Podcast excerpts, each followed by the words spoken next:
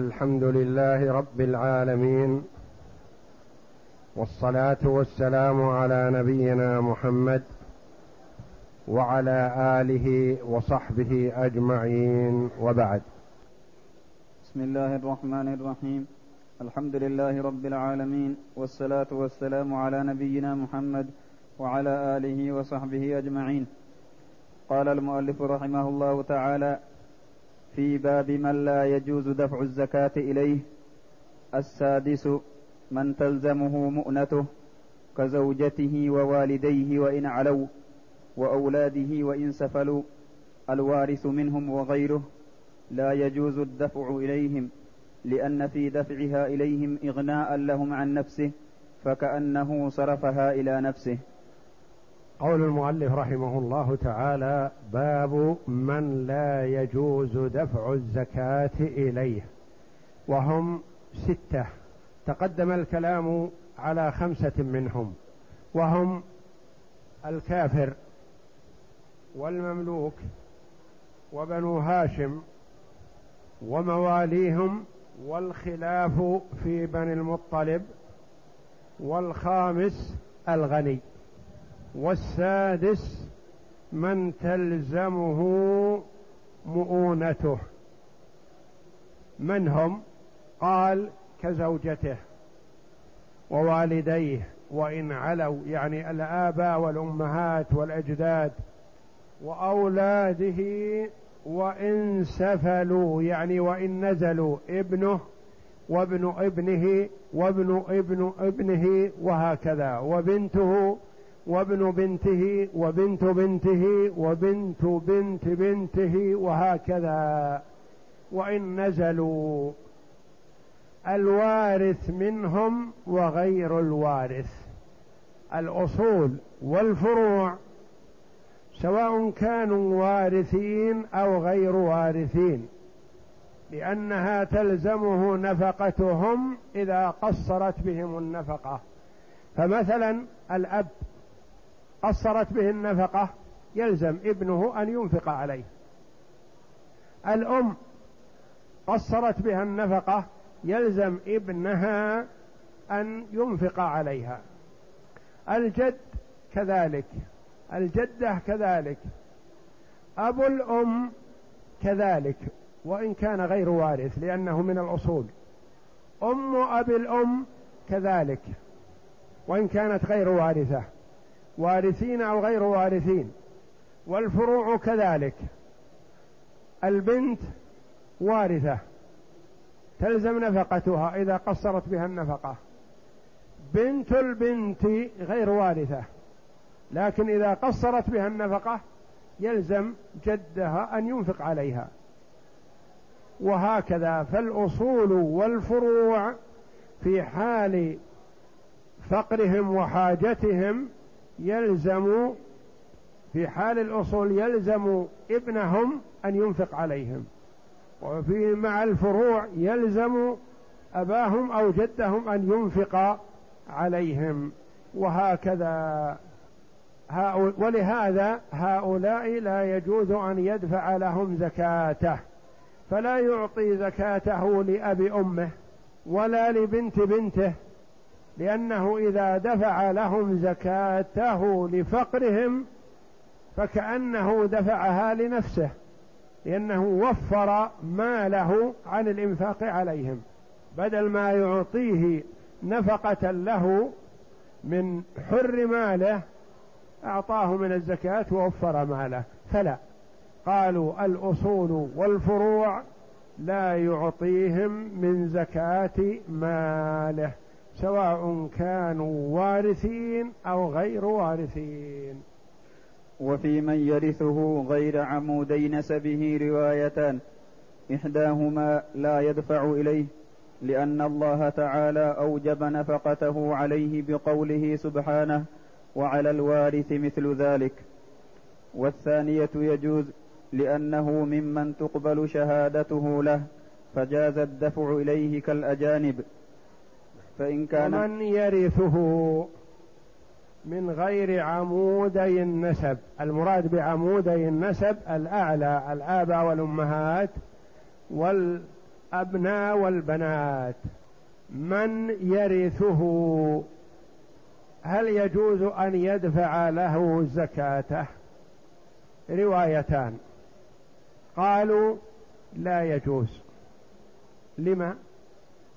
لأن نفقته تجب في حال تقصير النفقة عنه فيجب أن ينفق عليه لأن الله جل وعلا لما ذكر نفقة الولد على الوالدين قال وعلى الوارث مثل ذلك في قوله تعالى والوالدات يرضعن أولادهن حولين كاملين لمن أراد أن يتم الرضاعة وعلى المولود له رزقهن وكسوتهن بالمعروف لا تكلف نفس إلا وسعها. لا تضار والدة بولدها ولا مولود له بولده وعلى الوارث مثل ذلك. الوارث إذا قصرت النفقة بمورثه فعليه أن ينفق عليه. أما إذا كان قريب وغير وارث فلا إشكال. تدفع له النفقة الصدقة بل هو أولى من غيره. مثال الوارث وعلى الوارث مثل ذلك. مثلا الأخ من الأبوين. إذا كان له أولاد يحجبون أخاهم عن الميراث فلا تجب نفقته على أخيه ويجوز أن يدفع زكاة ماله إليه. لأنه غير وارث. لكن إذا كان الأخ من الأبوين أنت ترثه. لكونه لا يوجد الوالد متوفى وليس له أولاد يحجبونك عن الميراث. فأنت ترثه وما دمت ترثه فيجب عليك نفقته إذا قصرت به النفقة. هذه الرواية الأولى أنها تجب ولا يجوز أن تدفع له الزكاة. الرواية الثانية أنها تدفع له الزكاة لأنه عبارة أجنبي وتصح شهادته له لأن الأخ تقبل شهادته لأخيه وعليه.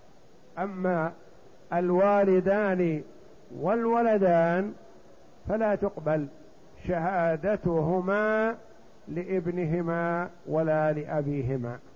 الولدان لا تقبل شهادتهما لأبيهما. الوالدان لا تقبل شهادتهما لولدهما.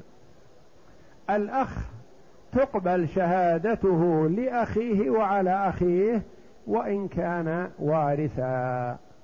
فالرواية الثانية تقول إذا كان وارث فلا يصح إذا كنت ترثه أنت فلا يصح أن أن تعطيه زكاتك لأنك إذا أعطيته الزكاة وقيت مالك.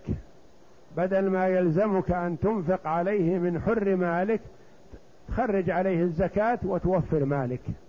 قالوا لا تعطيه من الزكاة وإنما تعطيه من حر مالك ما دامت النفقة واجبة عليك. أما من لا ترثه أنت فيجوز أن تعطيه من الزكاة وإن كان قريبا. فإن كان محجوبا عن ميراثه أو من ذوي الأرحام جاز الدفع إليه. وإن كان شخصان كان محجوبا عن الميراث أنت أيها الشخص الذي تدفع زكاتك محجوب عن ميراث هذا الفقير فيجوز أن تعطيه الزكاة. كما مثلت في الأخ الذي له أولاد يحجبونك من الميراث. أو الأخ الذي أبوه موجود يحجبك عن الميراث فأنت تعطيه زكاة مالك ولا تلزمك نفقته. وإن كان شخصان يرث أحدهما صاحبه دون الآخر كالعمة مع ابن أخيها فللمورث دفع زكاته إلى الوارث لأنه لا يرثه. فللموروث. فللموروث دفع زكاته إلى إلى الوارث لأنه لا يرثه وفي دفع الوارث زكاته إلى موروثه الروايتان. فإن كان أحدهما يرث الآخر والآخر لا يرث صاحبه جاز لمن لا يرث أن يدفع زكاته إلى قريب هذا. ولا يجوز لمن يرث أن يدفع زكاته لمورثه. مثل العمة. مثلا العمة أنت ترثها. ممكن أن ترثها لأنك ابن أخ مثلا. وهي لا ترثك. العمة لا ترث ابن أخيها لأنها من ذوي الأرحام. فهي يجوز أن تدفع زكاتها لابن أخيها لأنها لا ترثه. وأنت لا يجوز أن تدفع زكاتك لعمتك لأنك ترثها. إذا لم تكن محجوب. أما إذا حجبت بأولادها فيجوز. يعني عمتك لها أولاد هذا لا إشكال. تدفع الزكاة إليها. لكن عمتك لا يوجد من يحجبك عن ميراثها. أنت ترثها مثلا. فلا يجوز أن تدفع زكاتك إليها لأنها من ناحيتين. الناحية الأولى أنه يجب عليك الإنفاق عليها إذا قصرت بها النفقة. فإذا أعطيتها الزكاة وفرت مالك وأنفقت عليها من الزكاة. الناحية الثانية أن زكاتك قد تعود إليك غدا أو بعد غد. يعني تعطي زكاتك لعمتك. ثم تموت. فتعود زكاتك إليك لأنك وارث. أما هي إذا أعطتك الزكاة فلا إشكال لأنها هي لا ترثك فلا تعود إليها زكاتها. فالعمة تعطي الزكاة لابن أخيها وابن الأخ لا يعطي زكاته لعمته إذا كان يرثها يعني لا يوجد من يحجبه. وهل للمرأة دفع زكاتها إلى زوجها على روايتين؟ إحداهما يجوز لأن النبي صلى الله عليه وسلم قال لزينب امرأة, امرأة ابن مسعود رضي الله عنهما زوجك وولدك أحق من تصدقت به عليهم أخرجه البخاري ولأنه لا يلزمها نفقته. فلم تحرم عليه زكاتها كالأجنبي. والثانية لا يجوز لأنها تنتفع بدفعها إليه لوجوب نفقتها عليه وتبسطها في ماله عادة فلم يجز دفعها إليه كالولد. وهل للمرأة للمرأة أن تدفع زكاتها إلى زوجها؟ أما صدقة التطوع فيجوز. أن تدفعها لزوجها. إذا كانت تريد أن تتصدق بصدقة تطوع عنها أو عن والديها أو عن غيرهم فتعطي زوجها إذا كان في حاجة. هذا لا إشكال. وأما زكاة مالها إذا كانت الزوجة غنية لها مال والزوج فقير.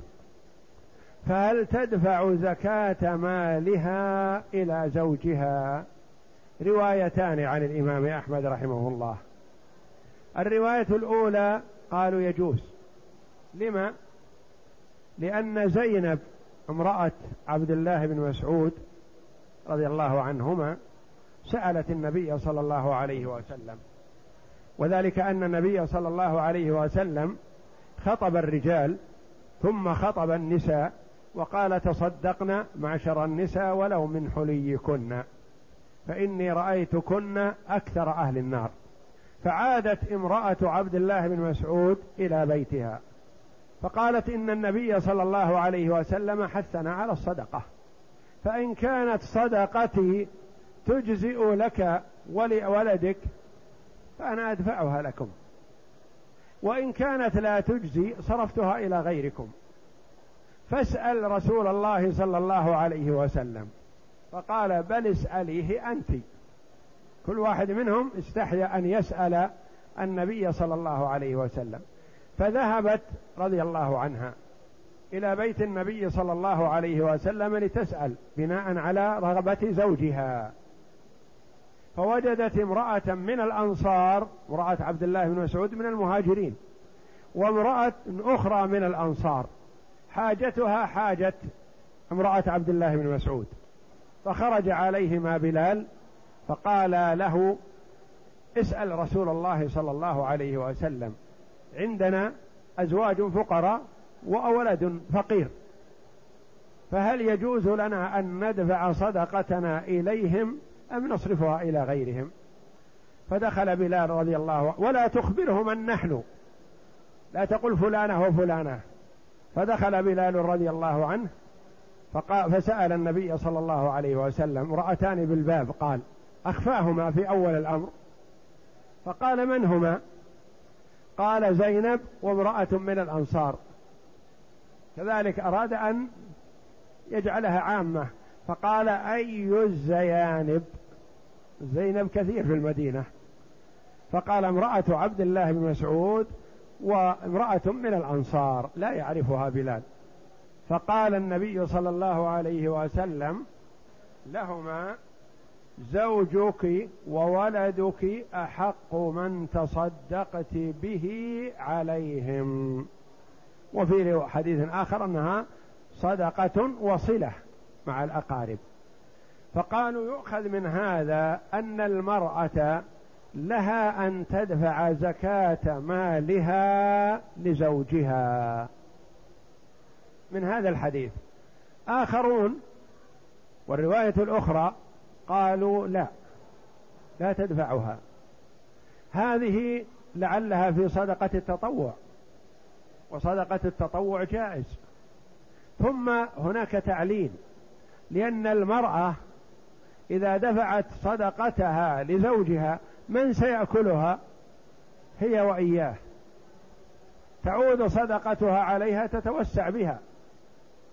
ثم إن المرأة عادة تنبسط في مال زوجها. يعني تتولاه وتتوسع منه وتنفق منه. فإذا أعطت صدقتها لزوجها تركها زوجها في البيت تولتها هي. كأنها أنفقت صدقتها على نفسها. فقالوا يحسن أن تخرجها للأجانب ولعل هذا أولى. وحمل صدقة زينب امرأة ابن مسعود رضي الله عنهما على صدقة التطوع أو لا والله أعلم. فصل ويجوز لكل هؤلاء الأخذ من صدقة التطوع لأن محمد بن علي كان يشرب من سقايات بين مكة والمدينة وقال إنما حرمت علينا الصدقة المفروضة. ويجوز لكل هؤلاء يعني هؤلاء الستة كلهم لهم الأخذ من صدقة التطوع. إذا كان عندك صدقة تطوع وأبوك في حاجة إليها فادفعها إليه فهو أولى من غيره. أمك في حاجة إليها ادفعها إليها هي أولى من غيرها. تعطي من صدقة التطوع مثلا الغني؟ لا بأس. تعطي من صدقة التطوع بني هاشم؟ لا بأس. تعطي المملوك مثلا من صدقة التطوع؟ لا بأس. لأنك أعطيته أو أعطيت سيده سواء. فصدقة التطوع يجوز.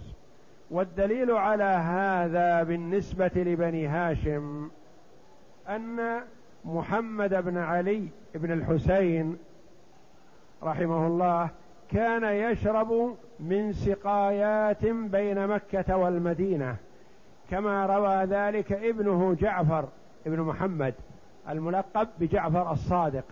قال له يا أبتي تشرب من هذا؟ يعني سقايات سبيل تطوع وضعت في الطريق. فسأله ابنه جعفر الصادق يقول له أتشرب من هذا يعني الماء وهو صدقة؟ قال إنما حرمت علينا الزكاة المفروضة الصدقة المفروضة. أما صدقة التطوع فنأكل منها كما يأكل غيرنا. ويجوز لفقراء ذوي القربى الأخذ من وصايا الفقراء والنذور.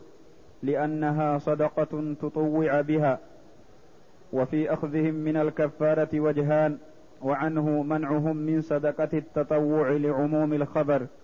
والأول ويجوز لفقراء ذوي القربى الأخذ من وصايا الفقراء والنذور.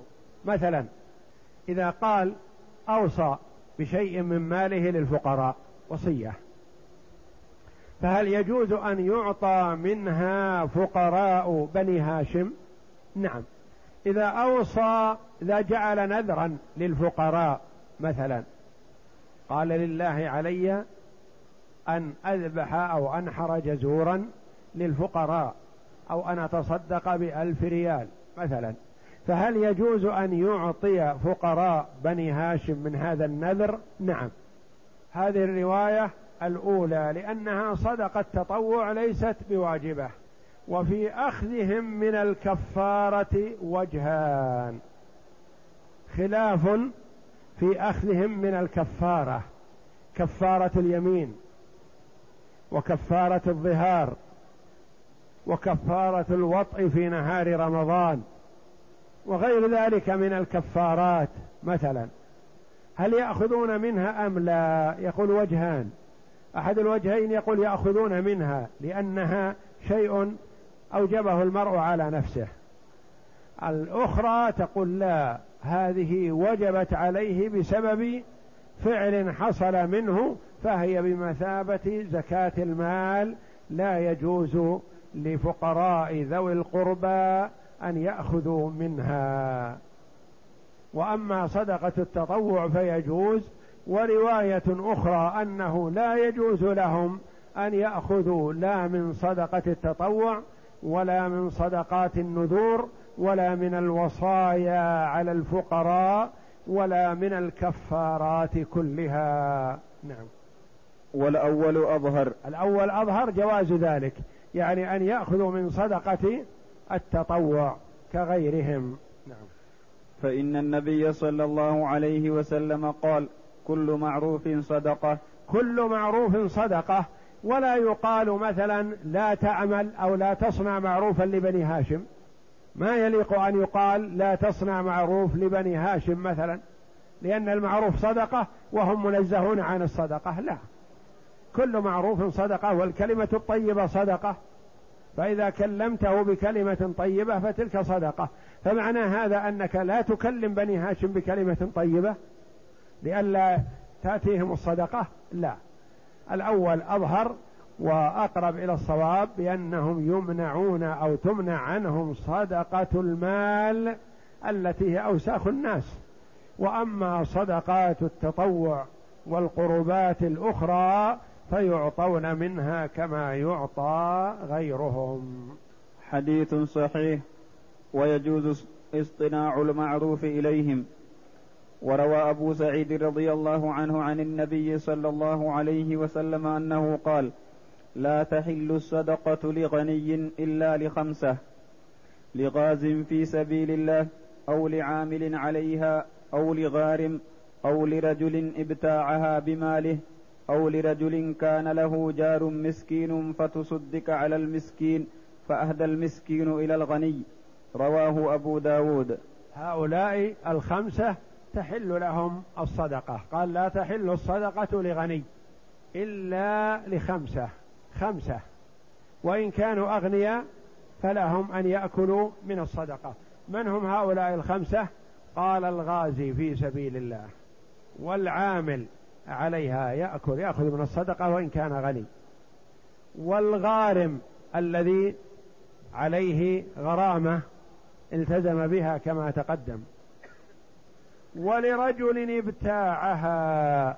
يعني تصدق على هذا الرجل بشيء من الأرز مثلا فاشتريته أنت بدراهمك. حل لك لأنك اشتريته. ولرجل كان له جار مسكين. جارك المسكين هذا الفقير مثلا تصدق عليه بشيء من الزكاة. فدعاك وأكلت معه من هذه الصدقة. أو أهدى إليك منها. فله ذلك ولك أن تأخذ لأنك أنت أخذتها هدية من جارك ولم تأخذها صدقة. ولو أهدى المسكين مما تصدق به عليه إلى الهاشمي حل له لأن النبي صلى الله عليه وسلم أكل مما تصدق به على أم عطية وقال إنها قد بلغت محلها متفق عليه. الأقرب والله أعلم والذي نحفظ أنها بريرة.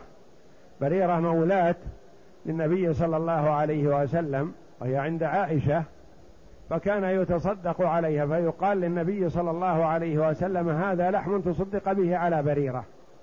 ويقدم للنبي صلى الله عليه وسلم فيقول هو لها صدقة ولنا منها هدية. فكان يأكل منه صلى الله عليه وسلم من الطعام الذي يتصدق به على بريرة. أما أم عطية فهي امرأة من الأنصار رضي الله عنها. ما كانت في بيت النبي صلى الله عليه وسلم. فصل وإذا دفع رب المال الصدقة إلى غني يظنه فقيرا ففيه روايتان. إحداهما لا يجزئه لأنها دفع لأنه دفعها إلى غير مستحقها فأشبه دفع الدين إلى غير صاحبه. إذا دفع رب المال الصدقة يعني زكاة المال إلى غني. يجهل حاله وأعطاها لغني. ثم أتي هذا الرجل وقيل له الصدقة التي أعطيتها لفلان فلان غني. وربما يكون أغنى منك وعنده عقار وعنده كذا لكنه يتظاهر بالمسكنة والفقر ليأخذ أموال الزكاة. فهل تجزئ هذه أم لا تجزي؟ روايتان عن الإمام أحمد. الرواية الأولى أنها لا تجزي. لما؟ لأن هذا حق واجب في مالك لأناس مخصوصين. وأنت أعطيتها لغيرهم. مثل ما لو كان زيد يطالبك بمئة ريال مثلا فخرجت بالمئة وأعطيتها عمرو. هل تكون سددت المال الذي في ذمتك؟ لا. ما أعطيت زيد أعطيت غيره. فكذلك هنا قالوا إذا أعطيتها لغني فما أعطيتها لصاحبها. وهذا الرجل ظلمك أنت وأخذ مالك ولا يصح أن تحتسبه على الفقراء لأنه أخذ شيئا لا يحل له. فلا تحتسبه على الفقراء وإنما هو عليك. إن شئت استعته وإن شئت فاتركه وعليك أن تدفع الزكاة لمن يستحقها. هذه الرواية الأولى. نعم. والثانية؟ والثانية يجزئه لأن النبي صلى الله عليه وسلم اكتفى بالظاهر لقوله للرجلين إن شئتما أعطيتكما منها ولا حظ فيها لغني. وهذا يدل على أنه يجزئ ولأن, ولأن الغنى يخفى فاعتبار حقيقته يشق. ولهذا قال الله تعالى يحسبهم الجاهل أغنياء من التعفف.